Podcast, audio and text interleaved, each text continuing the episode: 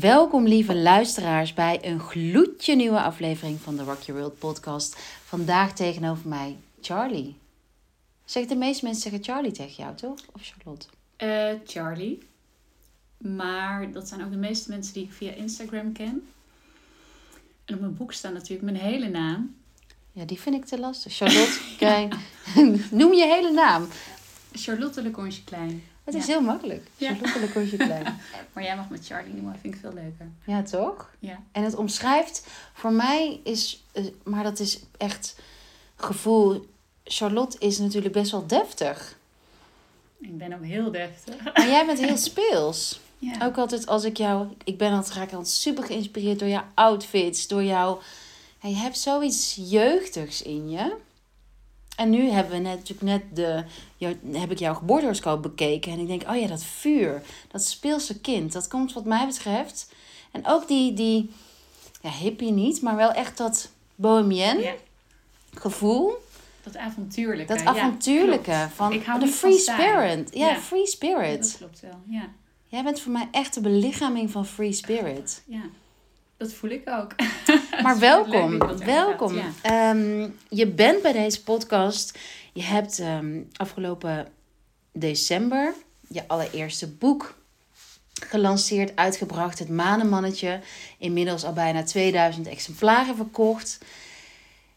Jeetje, hoe ontzettend vet is het om je eigen kinderboek te schrijven. Ja, niet normaal. Dat was echt. Dat is een van de mooiste dingen die ik in mijn leven heb mogen doen. En dat, dat was al tijdens het proces. Het flowde zo. Alles, ja, alles liep automatisch. De mensen die op mijn pad kwamen. Ehm, en ook nog steeds voel ik van wauw, dit smaakt naar meer. Dit was zo vet om te doen. Ja, Ja, ik zie ook ineens zo'n zo'n tv-programma van het Manenmannetje. en dat zou heel leuk zijn. Ja, toch? Want wat eh, in deze podcast wil ik het met je hebben, onder andere over hooggevoeligheid, Ja. Hooggevoelige kids. Mhm. Eh, hoe jij van, je bent, jij was advocaat, Mhm. hoe je van advocaat naar nu bent gekomen. Ja.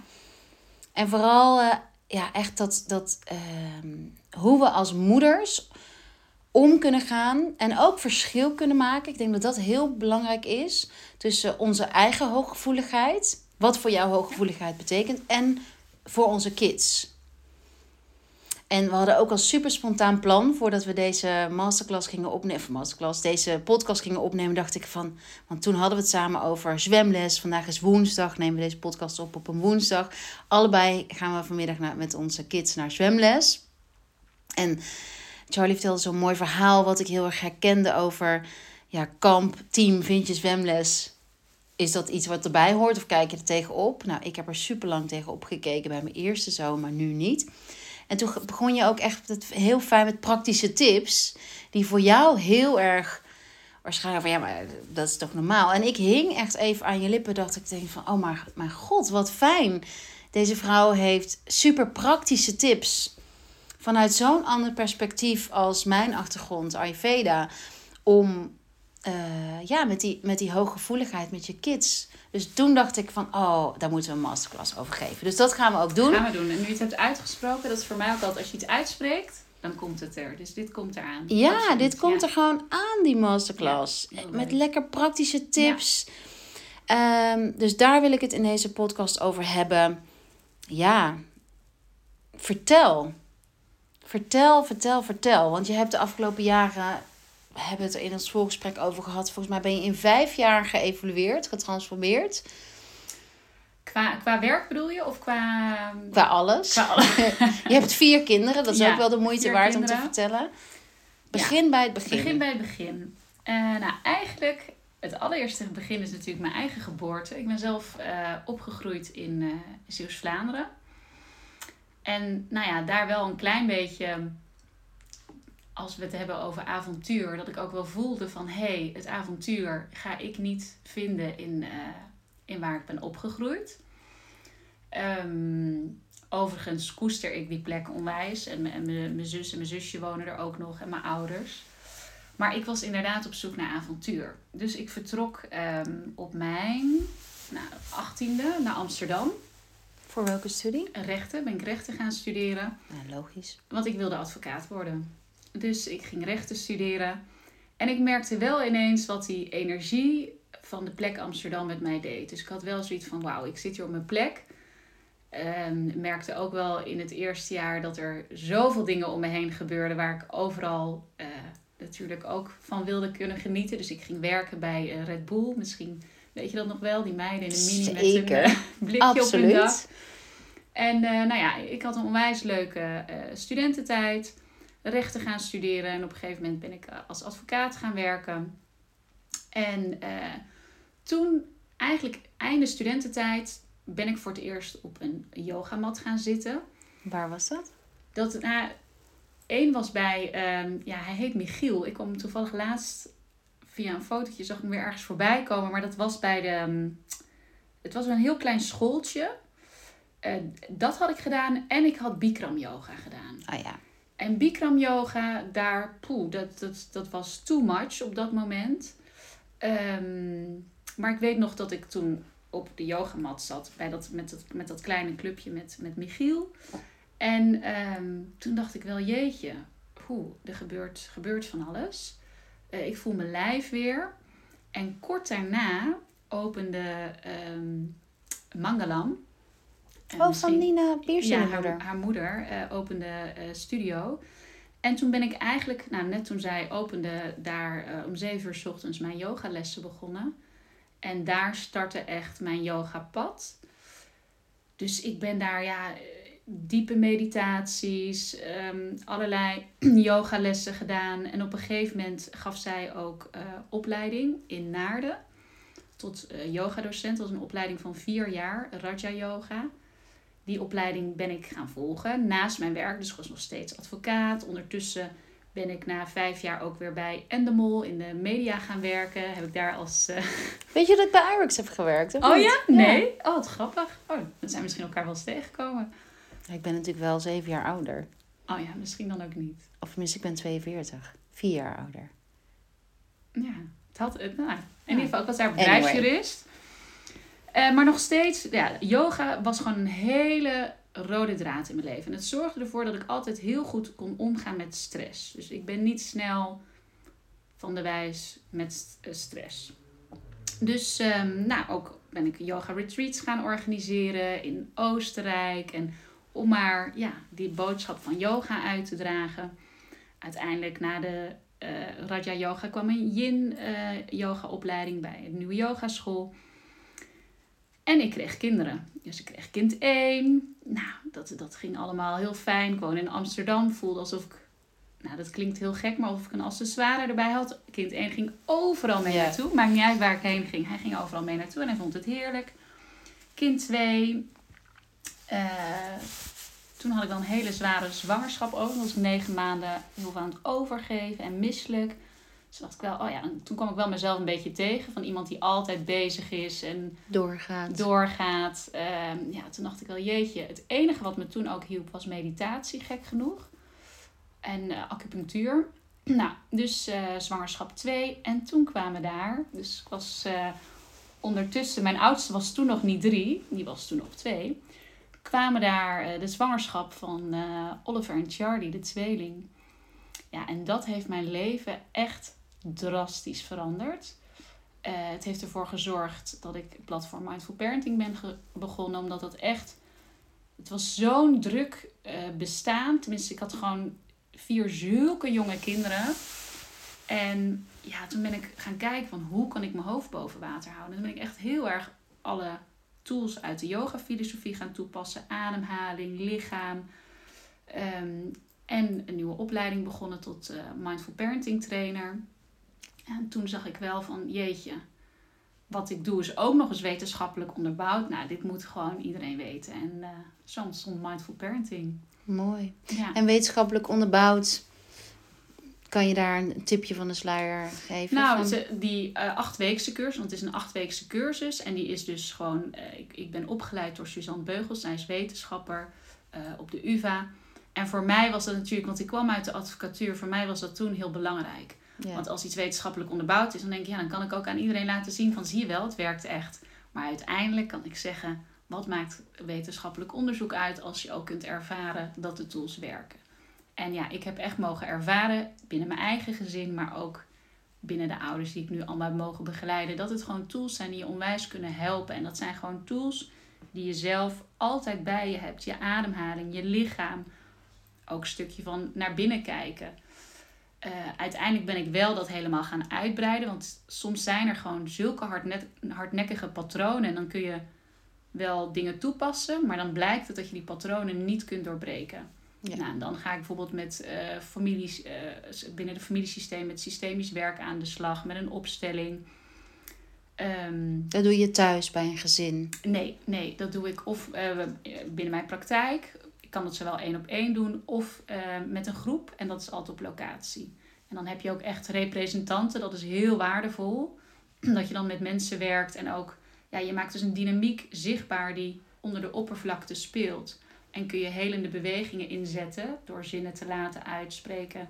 Door uh, inzicht wat mensen dan zien. Dat is heel waardevol, ja. Ja, je brengt beweging ergens in. Precies, exact. En de grap is ook gewoon, ik, uh, voor, voor ons denk ik, weet je, het is ons werk. Dus voor ons is familieopstelling is gewoon kant en klaar van wat dat je kan brengen. Mm -hmm. Maar ik weet nog wel, ik weet niet of jij dat nog weet, de eerste keer dat je van een familieopstelling hoorde. Ik weet het in ieder geval nog. Want ik echt dacht van, hè? Ik had geen idee. Hoe kan wat dit? En wat is het? Wat is het? Ja. Dus kan je mm, voor iemand die die nog heel erg, inderdaad, wetenschap. De vrouw die nu luistert naar de podcast en die denkt van, oh, ik ga aan op Charlie, want ze is inderdaad ook een hoofdachtergrond. Zo'n familieopstelling. Ja. Hoe kan het? Hoe kan het dat dingen uitgesproken worden? Het is niet te verklaren. En dat, dat is ook een hele mooie zin die wij ook toen leerden. Wij wil wij. Um, ook comfortabel zijn met het niet weten. We weten niet hoe het werkt, maar dat het werkt, dat zien we. En um, ik heb ook wel eens, als ik zelf in een opstelling sta of tijdens de opleiding, dat ik dan aan de kant zat en dat ik af en toe zo'n helikopterview had van wat zijn we hier nou allemaal aan het doen met z'n allen. Weet je dat je heel even in dat hoofd schiet. En dan wil je het verklaren, maar sommige dingen zijn nou eenmaal zo omdat ze zo zijn en kunnen we niet verklaren. Maar het werkt. En het werkt voor heel veel mensen. Dus ja, en, en wat het is, nou, wat je dus doet, is je creëert een veld. En uh, als we dan even hebben over een opstelling met echte mensen, dus niet over poppetjes of vloerankers, waar ik ook mee werk. Maar dan zitten dus, um, er zijn dus mensen aanwezig en jij komt met een vraag. Deze mensen weten van tevoren nog niet wat jouw vraag is, kennen jouw familie niet, zitten ook niet binnen jouw familiesysteem, weten helemaal niets van jou. En jij stelt een vraag over iets waar je tegenaan loopt. Bijvoorbeeld, uh, je kunt moeilijk grenzen stellen. Ik noem maar wat. En dat merk je op je werk, merk je binnen je gezin, binnen je relatie. En daar heb je gewoon last van. Je hoeft ook niet een heel verhaal eromheen, want eigenlijk is dit gewoon al heel duidelijk. Nou, wat ga ik dan doen? Uh, kies ik soms eerst een representant voor jou. En die zetten we dan in het veld. En een representant voor je vader, voor je moeder. Vaak heeft grenzen stellen. Overigens is dat heel vaak een thema wat met vader te maken heeft, hoeft niet. We, we toetsen het door ze allebei op te stellen. Nou, en het gekke is, je zet die mensen in het veld en die mensen voelen al gelijk van alles. Dus die voelen of ze, of ze zich fijn voelen op die plek, hebben allerlei lichamelijke sensaties. En dat, dat, zij worden gewoon in een veld gezet en dat, dat gebeurt op basis van energie. En als je dat een keer hebt ervaren, dan voel je dat ook gewoon zo. En dan voel je ook van, hé, hey, dit is, dit gebeurt, dit komt door me heen. En als je er ook weer uit bent, ja, dan kan je dat ook niet verklaren. Het overkomt je en je zegt gewoon de dingen die er spelen. Uh, klopt het dat, dat er soms, weet je, dan staan er bijvoorbeeld meerdere kinderen naast elkaar en dan voelt iemand, nee, ja, ik, ik sta niet op mijn plek. De ander, nee, ik sta niet op mijn plek. Nou, blijkt er dat er nog iemand tussen hoort te staan. Is er misschien inderdaad een miskraam geweest bij moeder? Nou, wordt het getoetst? Ja, klopt. Had ik nooit verteld.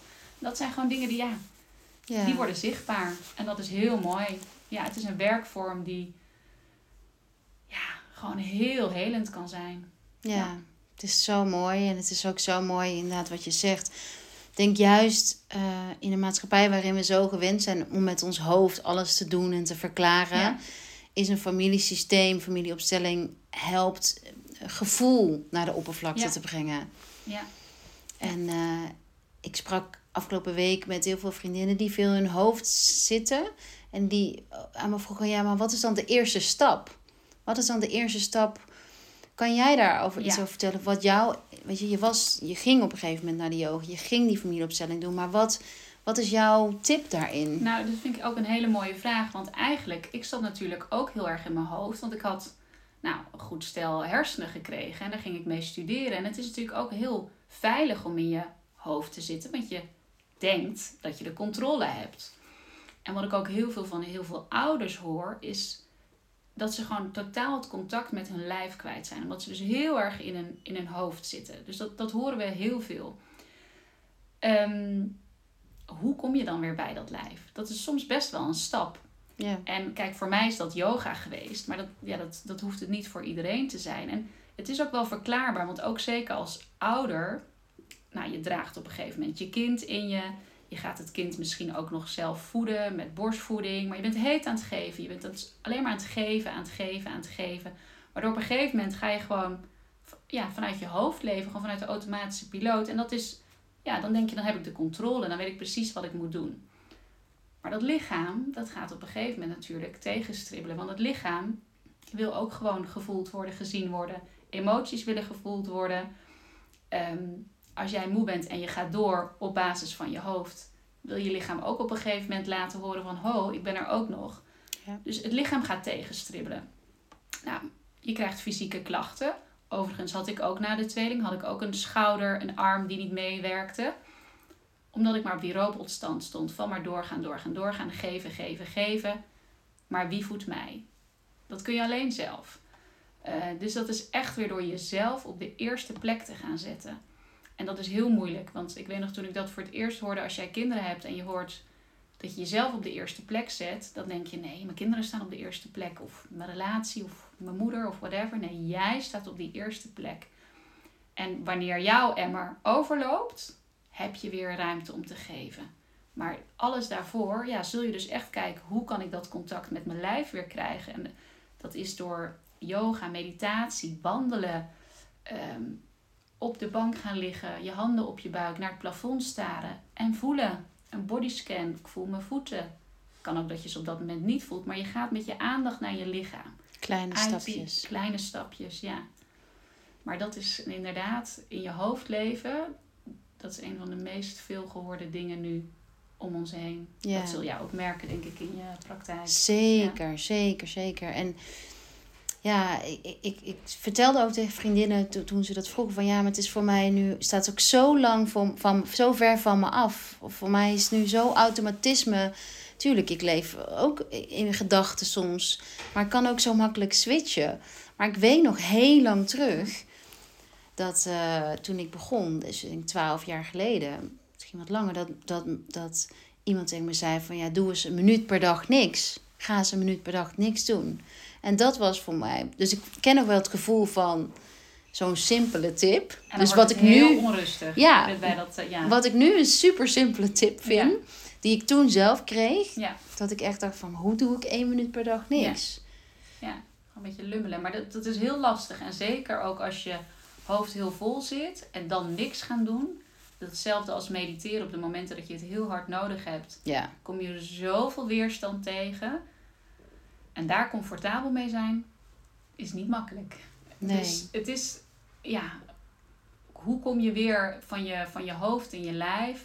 Inderdaad, step by step. Dus echt kleine, kleine stapjes. Maar als je het niet doet, dan doet het lichaam het voor je. Ja, en, en ook, want daar wil ik het bruggetje naar maken naar je kids. Ja. Hoe, eh, hoe reflecteert de moeder die in haar hoofd leeft, hoe reflecteert dat op kids? Ja, het die, gezin? ja, kinderen doen wat jij doet, hè? niet wat je zegt. Dus die, dat, die krijgen dat volledig mee. En dat was voor mij ook een belangrijk, eh, belangrijke tool eigenlijk om dat boek en de kindermeditaties te maken. Omdat wij zelf allemaal er tegenaan lopen van we hebben geen tijd om te mediteren of geen tijd om even stil te zitten. We vinden het allemaal wel heel belangrijk en we zijn allemaal heel druk met zelfcompassie, yoga nidra, onze ademhaling. En onze kinderen zetten we sowieso op één. Toen dacht ik, nou wat als ik nou die twee met elkaar verbind? En als ze dan gewoon dat je met je kind s'avonds, hoeft maar vier minuten te duren, zo'n kindermeditatie kan luisteren of het luisterboek van het maanmannetje. En je gaat gewoon meedoen. Je hebt het bewuste moment met je kind. Vaak ontstaan er ook allerlei vragen bij je kind waar je een heel leuk gesprek door krijgt. Je bent zelf even aanwezig bij je ademhaling.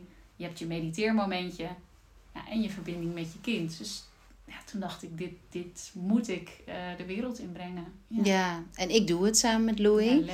En je hebt een super fijne stem. En hij vindt het ook zo leuk omdat de dieren Ja. eraan gekoppeld zijn aan de kindermeditaties. Ja. En het mooie vond, ja, ik word er zelf ook heel rustig van. Ik vind de giraf heel mooi. Je vertelt ook in, tijdens Ja. de giraffenmeditatie over het hart. Ja. Dat de giraf de grootste hart heeft van alle Ja. zoogdieren. Dus er zit ook altijd een mooie, zo'n mooie boodschap Ja. in. Dat is eigenlijk de metta-meditatie uit het boeddhisme, die is dan vertaald naar eh, de giraf. Ja. Ah. En bijvoorbeeld de monkey mind gaat heel erg over onze gedachten. Weet je wel, als je mediteert, dat je gedachten van. En Net als een aap die van tak naar tak springt, is het ook met onze gedachten. Weet je wel, die gaan van de ene en de andere kant op. Net als zo'n aapje. Maar je kunt uiteindelijk gewoon weer naar die gedachten kijken en eh, die gedachten observeren. Dus eigenlijk wordt voor kinderen op een hele laagdrempelige manier het gewoon. Ja, ze weten niet beter. Nou, ik En- zou ook voor, voor ouders, eh, voor volwassenen eigenlijk, dit Ja. is een hele mooie, leuke manier om te starten. Ja, zeker als je ook zegt van nou, is dit wel wat voor mij of ik vind het allemaal te lang duren, dan is het zeker ja. Ja. En Louis eh, was er zo enthousiast over, die, die mocht er ook in zijn klas over vertellen. Ja, zo lief. Dus die eh, vertelde ook heel, heel blij over de schildpad en dat het eiland waar het, eh, hij, voor hem was het het eiland waar je mag dromen, of ik weet niet meer hoe hij dat vertelde in de klas. Maar ja, het is zo lief, het is zo, Ja. het is zo ontzettend leuk. Ja, en ze onthouden het. Want ook weer, eh, toen ik dus met Julius in de auto zat en hij het heel spannend vond, eh, zwemles. Ja, weer bij komt die zwemles. Komt hij weer. En toen zei ik, ja, wat, wat doe je dan? Toen zei hij, ja mama, naar mijn buik ademen. Leg ik mijn handen op mijn buik en naar mijn buik ademen. Toen dacht ik, oh. Nou, ik kon al bijna huilen van wat goed, weet je wel. Ik dacht, hij zal zeggen, ik ga aan iets leuks denken. Of ik ben gewoon, maar nee. Ja, toen dacht ik, nou, dat is ook heel, heel fijn dat je dat doet. Ja. Ehm, dus ze krijgen het ook gewoon automatisch mee op die manier, ja. En hoe eh, ehm, hooggevoeligheid bij kids, hoe Ja. herken jij dat als moeder? Hoe herken jij ja dat in je kids? heel, je hebt eigenlijk gewoon hele checklists. ehm, maar Hoe zie jij het? Gewoon in jouw Bij gezin? mijn eigen kinderen? Ja. Ze zijn, het toont zich bij iedereen heel verschillend. Allemaal eh, harde geluiden. Daar hebben we allemaal heel, heel veel moeite mee. Ehm, hele wijze vragen kunnen stellen. Beloofd is beloofd. Dus iets wat je zegt, Oh ja. absoluut. Als je dan niet opvolgt, dus een heel groot gevoel voor rechtvaardigheid. Ehm, even kijken hoor. Eh, ja, hele wijze dingen. Dus qua spirituele, spirituele vraag, weet je wel, waar komt God vandaan en eh, hoezo heeft God dat en dat gedaan? Dat je denkt, ja, wat, wat, wat een mooie vraag. Daar moet ik heel even zelf ook over nadenken. Maar dat soort vragen. Ehm, ook hele praktische dingen met labeltjes in kleding, bepaalde kleding niet aan willen, geen spijkerbroek aan willen. Ja. Eh, met eten heel geen alles door elkaar. Dat, dat eh, ja, allebei mijn kids. ja, eh woede aanvallen. Sommige wel, sommige niet hoor, binnen het gezin. Maar ik doe even nu alle vier op één hoop. Ehm, overprikkeling dus, onwijs. En ook beneden komen en zien... Oh mama, wat leuk, heb je een nieuwe jurk aan? Ja. hey, en waarom heb je nu daar, daar die plant gezet? Vond je dat mooier? Oh ja, ik vind het ook wel mooier. Heel wijs over gevoelens, maar ook elk detail valt op. Ja, ik kan zo, kan zo wel even doorgaan. Maar dat zijn gewoon hele... En op een gegeven moment weet je het. Uiteindelijk, ik, ik was het als kind ook, ben het ook nog steeds. En uiteindelijk neemt het ook wel toe. Ehm, en het heeft ook hormonen, het heeft ook bepaalde dingen hebben ook invloed erop.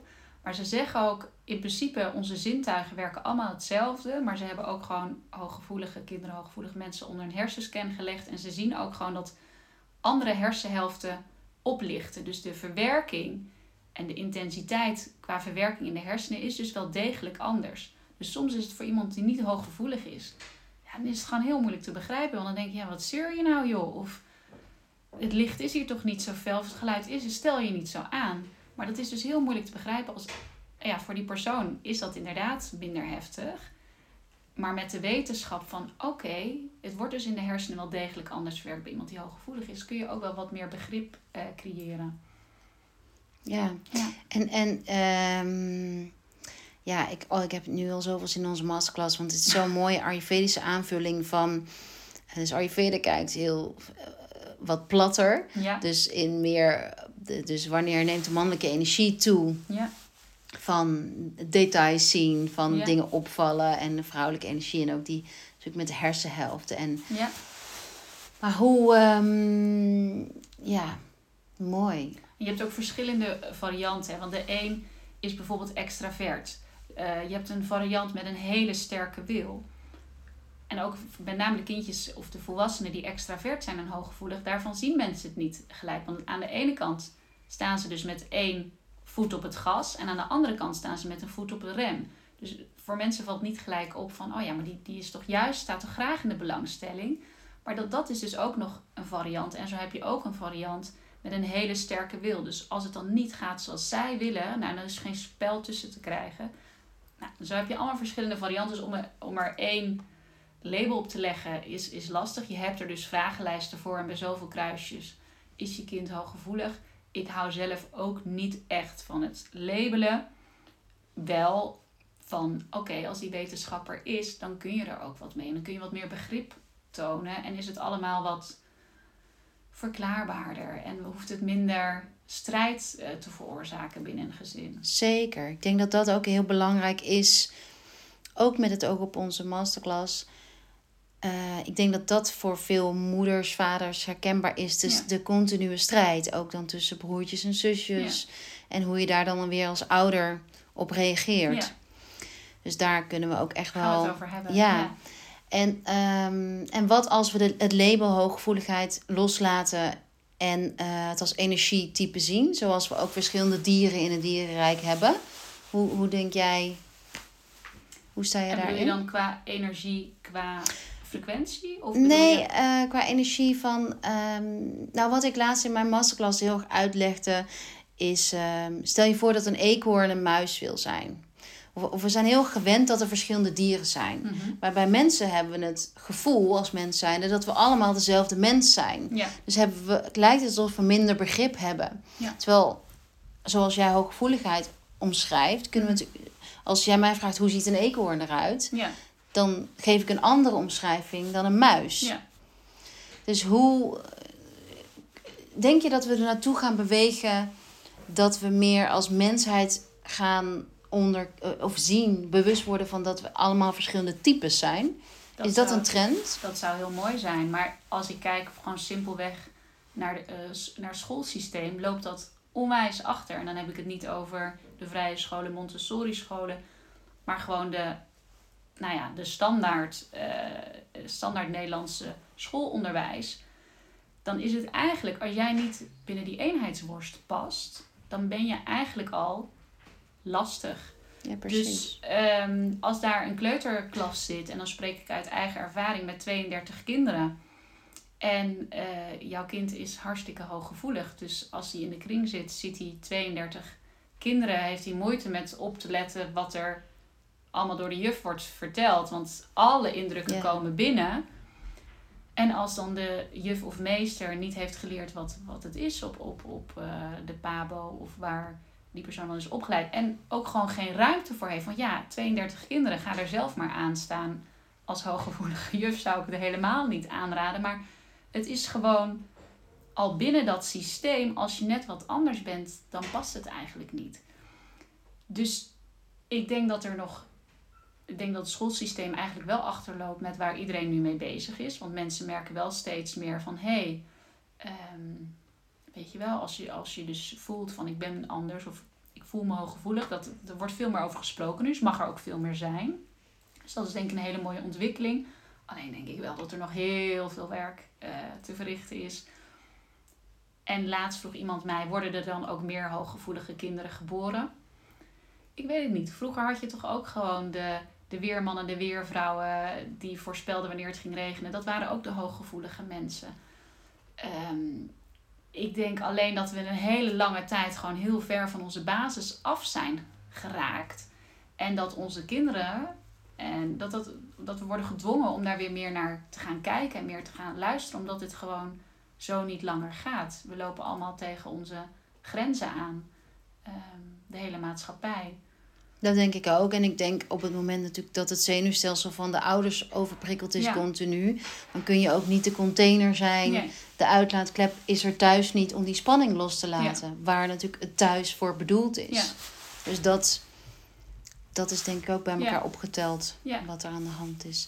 En ik hoor dus eigenlijk nu ook zo aan jouw verhaal hoe extra mazzel ik mag hebben met mijn klas.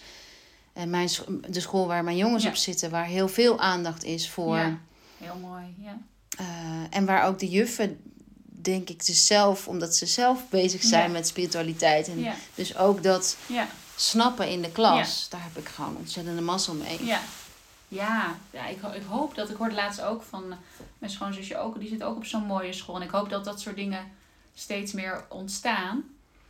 En het is denk ik ook geen onwil bij leerkrachten, absoluut Nee, nee. niet. Het is gewoon te weinig budget, te weinig ruimte. ehm, je weet niet wat je niet weet. Nee, en daarom denk ik, en dat is ook dat ik denk van wat ze niet op school meekrijgen, want ze zitten daar natuurlijk wel merendeel van de dag. Ja, kijk of je dat thuis kunt meegeven. Want ze leren als ze op school niet leren hoe ze met emoties kunnen omgaan, wat natuurlijk zo belangrijk is in het leven, dan kun je ze dat thuis. Nou, daarom zijn dus ook die kindermeditaties van, ja, hoe, hoe ga je eigenlijk met een emotie om? En eh, niet door ze weg te stoppen of er geen ruimte voor te geven. En dat is denk ik ja, hoe wij weer door onze ouders of zijn op, eh, opgevoed. Heel erg natuurlijk nog, ja, die, de oorlog was geweest, moesten het land opnieuw opbouwen. Gewoon bam in de jankkracht, geen plek voor emoties. En nu merk je dat dat, ja, dat gaat natuurlijk, dat gaat tegen je eh, werken op een gegeven moment. En ik denk dat, ja, als wij dit nu aan onze kinderen kunnen meegeven op een makkelijke manier van hoe, hoe ga je met emoties om, dat dat heel mooi is voor kinderen. Ik denk het ook. Ja. En de masterclass, ehm, we hadden bedacht dat we een, een mooie bundel gaan maken met het manenmannetje erin. Ja, Eh, de masterclass die we samen gaan Ja. geven. Over echt wel ook praktisch, hoe praktisch Ja. om te gaan. ja praktische tips. Ja. En eh, een mooie Calming Body and Bed Oil van Rock Your World. Omdat die echt zo'n... Die helpt prikkels los te laten. Ja. is echt, sommige kinderen noemen hem toverolie. ja. De link daarna zal ik onder deze podcast zetten. En als mensen meer van jou willen weten, waar kunnen ze jou vinden? mindfulparenting.nl en via Instagram charlie laagstreepje lck Ja, waar komt die LCK vandaan? Le Conche Klein. Oh ja. Ik moet altijd denken aan Lucky Fons. Ik weet ook niet waarom. ja, ik moet dat aan dacht Lucky. ook al een keer Charlie Ik of Charlie Luck of Charlie Ja, Lucky. Maar Lucky. het is ooit, ja, dan maak je dat aan en dan denk je er over na. Bizar. Ik heb het nooit aangepast. Eh, maar daar, ja. Dus Charlie underscore LCK. Ja, Mindfulparenting.nl Ja. ja. En het manenmannetje, mochten ze niet geen zin hebben om mee te doen aan de masterclass, kan ook via Bol. Via Bol, via de boekhandels, eh, sommige kinderwinkels verkopen hem. En is er nog een leeftijd aan verbonden? Misschien is dat leuk voor de... Ja, dat, vaak vragen mensen mij dat ook bij de kindermeditaties. En ik heb kinderen van twee jaar die al met de kindermeditaties beginnen. Ehm, maar voor sommige kinderen is dat ook te vroeg. Dus dat is echt een beetje aanvoelen. En nou, mijn, mijn oudste zoon is zeven. Die luistert ook nog elke dag het manenmannetje. Dus ik heb ook al kinderen gehoord van acht, van tien. Maar dan zou ik echt het luisterboek adviseren. Want de plaatjes die heel magisch zijn. Misschien zeggen ze dan van, oh, dat vind ik kinderachtig. Ja. En het luisterboek zit dan in de app. Ja, en die, Die je erbij krijgt, ja, hè? die krijg je bij het boek. En dat is echt... het- Ik vind zelf het luisterboek echt magisch. Ja, En sowieso luisteren, ja. ja. Heerlijk, toch? ja en luisteren heeft ook echt... Als je dat in bed doet, is ook gewoon bewezen dat dat eh, stressverlagend is. Dat je beter met pijn kunt omgaan. Dus beter ook je emoties kunt verwerken. Dus ja, een hele veilige bedding creëer je daarmee voor het slapen gaan. Ja. Dat willen we, Ja. toch? Ja, Heerlijk. ja. Dankjewel. Graag gedaan. Hihi. En lieve luisteraar, we hopen jullie te zien, te horen in de masterclass natuurlijk. Hele fijne dag. Dankjewel voor het luisteren.